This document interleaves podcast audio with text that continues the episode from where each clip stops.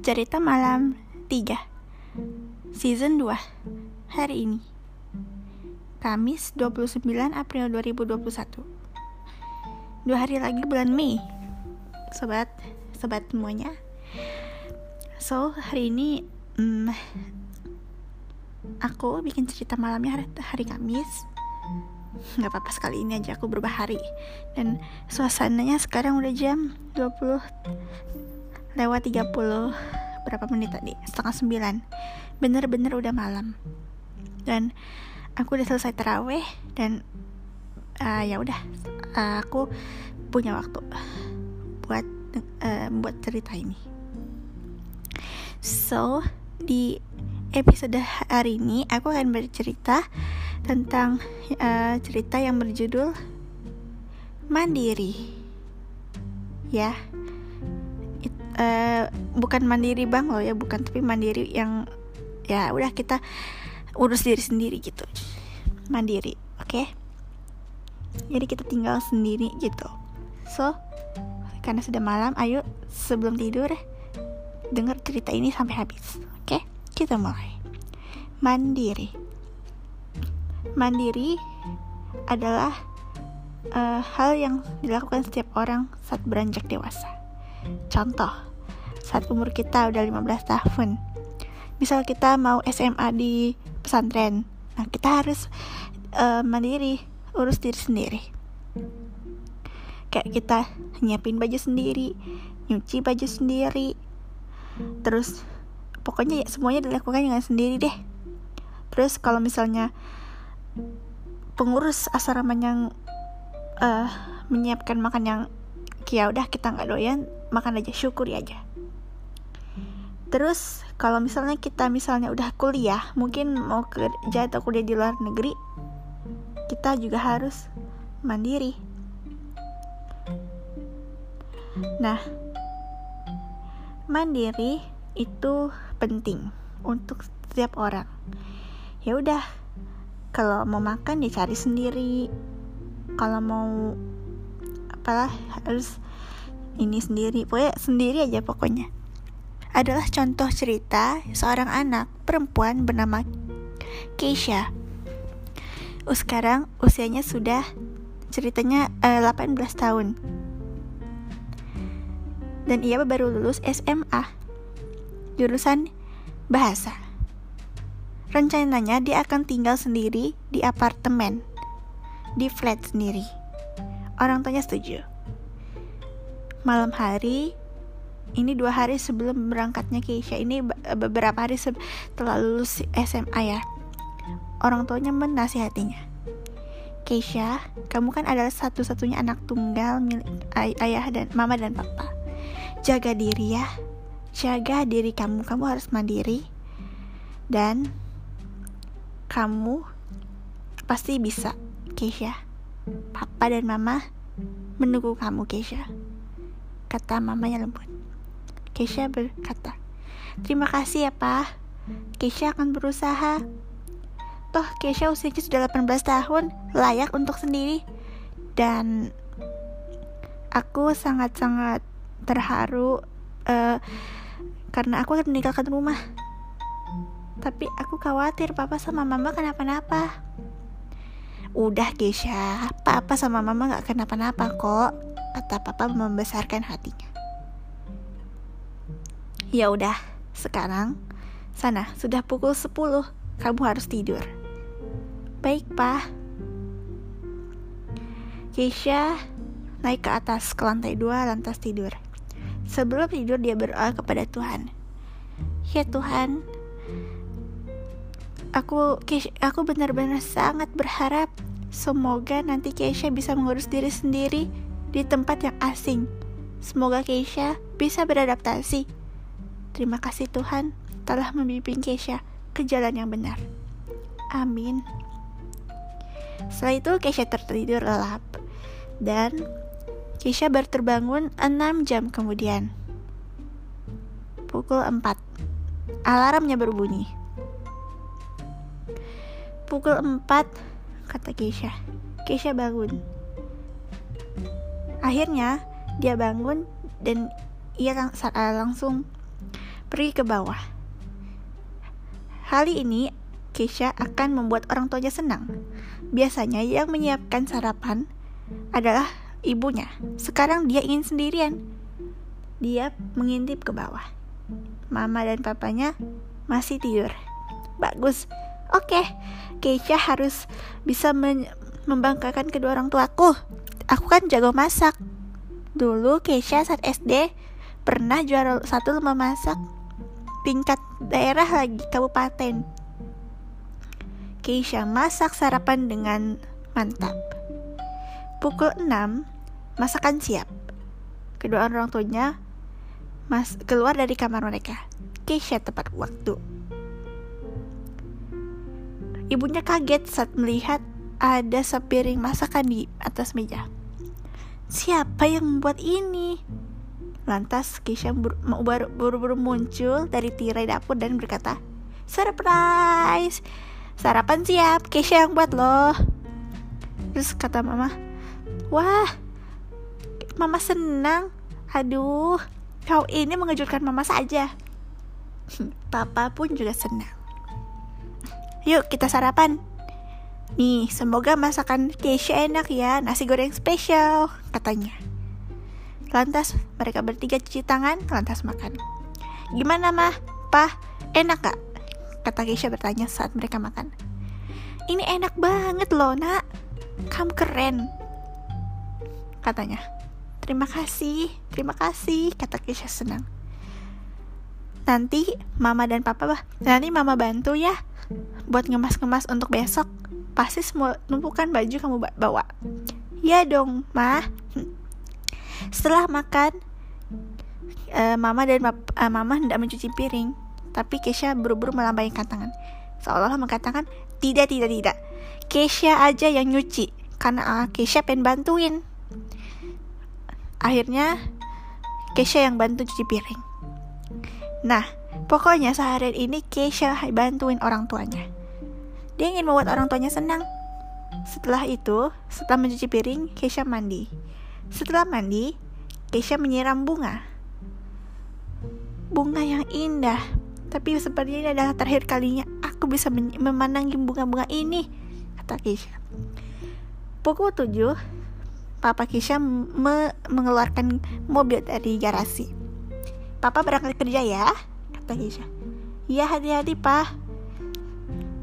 Kalau gitu, uh, uh, ini buat papa. Apa ini? Bekal makan siang dan makan malam. Takutnya papa pulangnya kemalaman kayak waktu kemarin. Oh ya udah nih. Setelah itu bapaknya berangkat. Setelah itu hanya menyisakan Mama dan Keisha saja.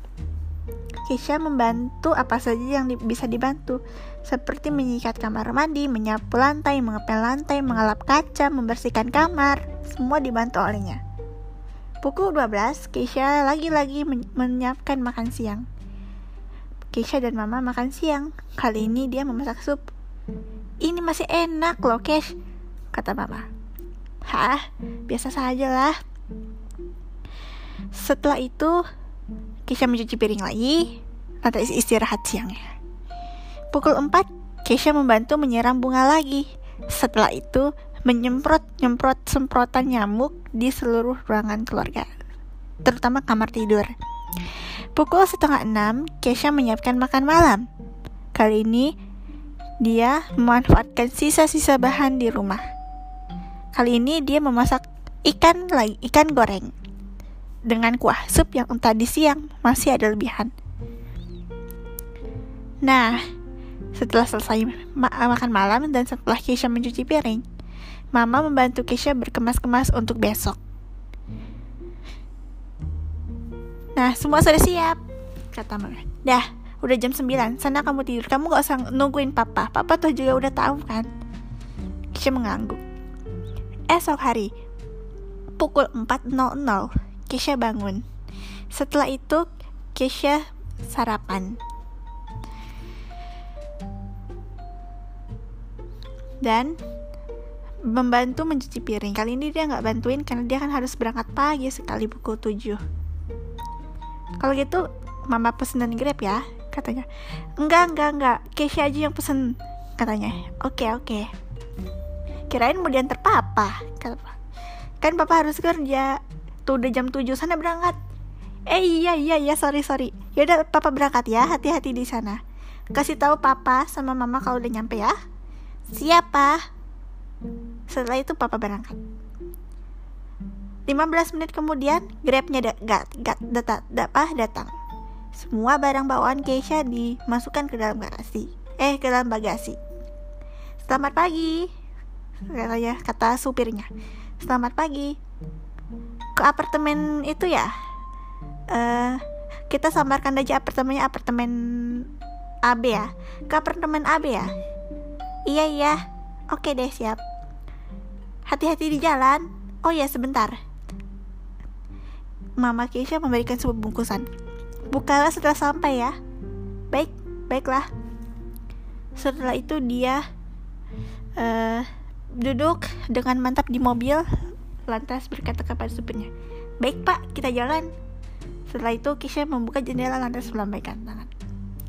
Selamat jalan sampai ketemu lain kali ya katanya hati-hati di jalan dah dah sampai jumpa gitu kan. Setelah itu menutup jendela. Keisha tidak menangis malah dia senang. Ke ini ceritanya mirip seperti cerita rumah baru yang itu loh Bella. Bella tau kan? Masih ingat di episode pertama? Kalau nggak salah. Oke. Okay. uh, eh, selama perjalanan Keisha sedang memikir, memikirkan apa yang harus dilakukannya. Gitu.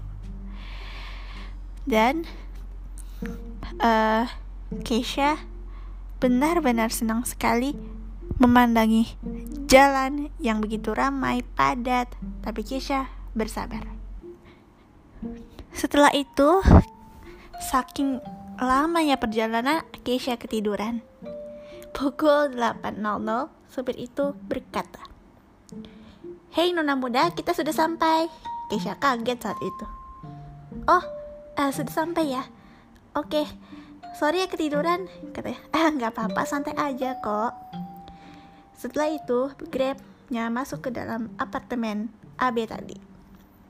Selamat datang di apartemen AB. Setidaknya kamu punya extra energi untuk beraktivitas di sana, Keisha. Keisha turun. Perlu dibantu? Kata kirimnya. Tidak, terima kasih pak, aku bisa membawa kopernya sendiri. Baiklah, selamat tinggal. Sampai jumpa. Eh, tunggu. Ini bungkusannya ketinggalan. Eh, sorry ya pak, maaf maaf. Keisha tidak memperhatikan tadi. Thank you. Terima kasih. Setelah itu Keisha naik lift. Tapi sebelum naik lift, dia daftar administrasi dulu untuk memastikan kamar sudah siap. Selamat pagi, apakah kamar saya sudah siap?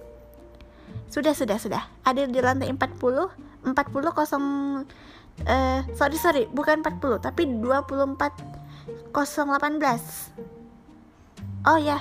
Eh, 2407. Eh, jadi yang bener yang mana, Mbak? Oh, bentar, bentar. Saya lupa sebentar ya. Tolong uh, daftar kamar Keisha sekarang, katanya kepada asistennya. 2407 kata asistennya. Oh ya, terima kasih. Jadi 2407 ya, sana. Katanya. Baik, terima kasih banyak. Keisha naik lift ke lantai 24. Sesampainya di lantai 24, dia mencari-cari nomor kamar yang telah disebutkan oleh petugasnya tadi. Setelah itu, Keisha menempelkan kartu guide-nya atau guide card-nya ke pintu. Lantas pintu terbuka. Apartemen ini terdiri dari tiga, eh, terdiri dari tiga bedroom. Ah, apartemen. Ya, katanya. Kalau gitu aku tidur di kamar utama deh, lebih besar. Keisha membongkar semua barang yang ada di dalam koper, menaruhnya ke tempat lemari ke semua eh, ke tempat-tempat yang ada di situ. Keisha senang sekali Keisha membuka jendela, matahari masuk ke dalam ruangan.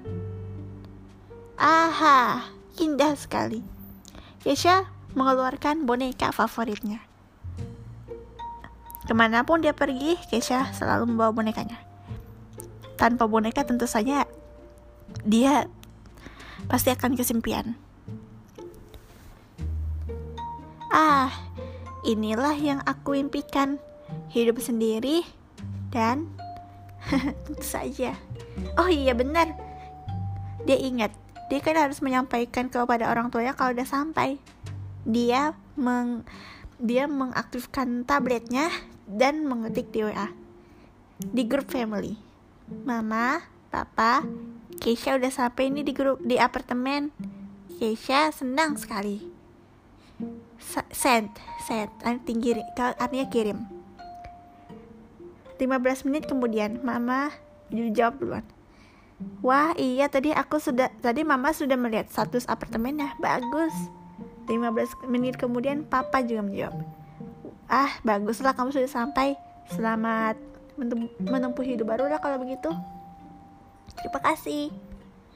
Pukul 11 Keisha mengeluarkan bumbu dapur yang telah dibawakan uh, oleh orang tuanya. Semua yang ada di dapur, seperti peralatan dapur, sudah ada di apartemen itu.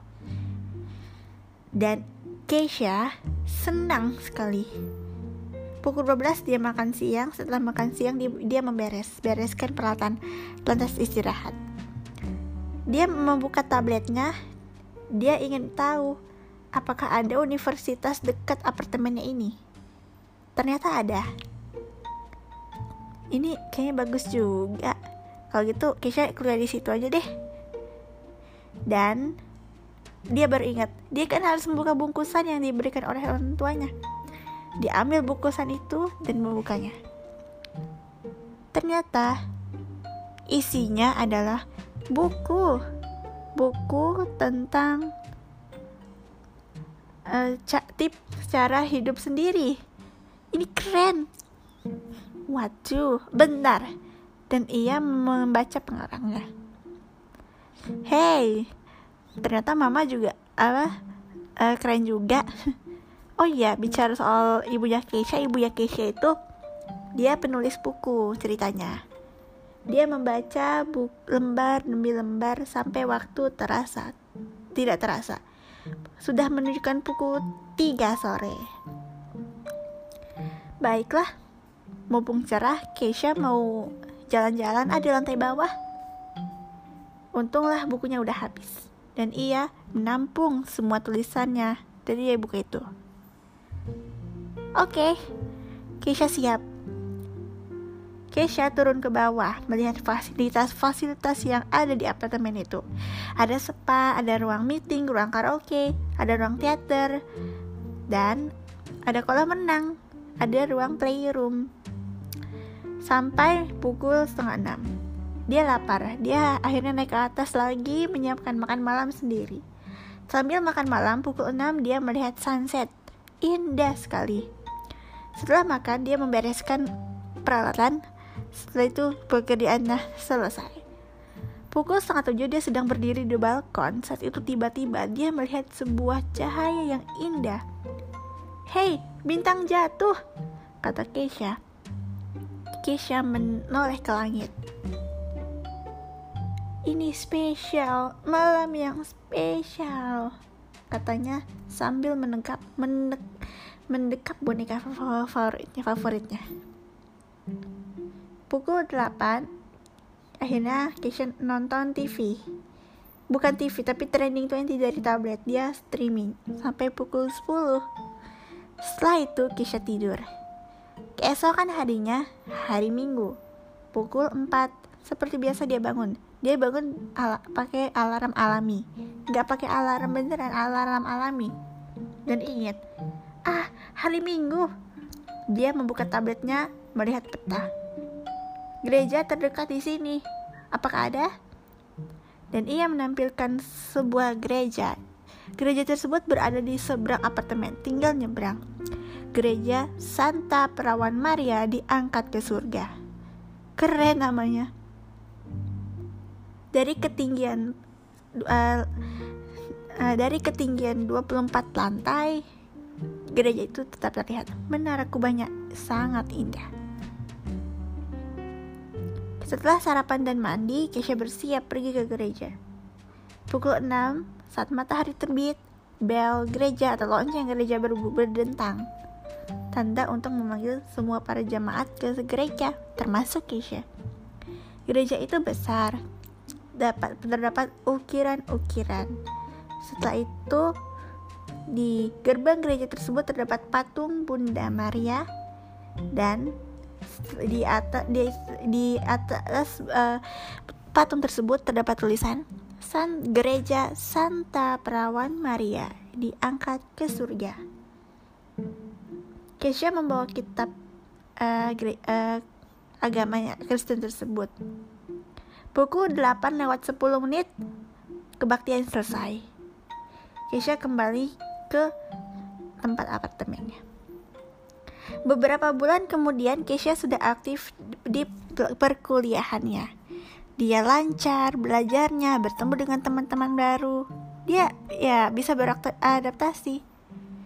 Bahkan setiap mungkin kalau nggak ada jadwal kuliah, terkadang Kisha pulang kembali ke rumahnya.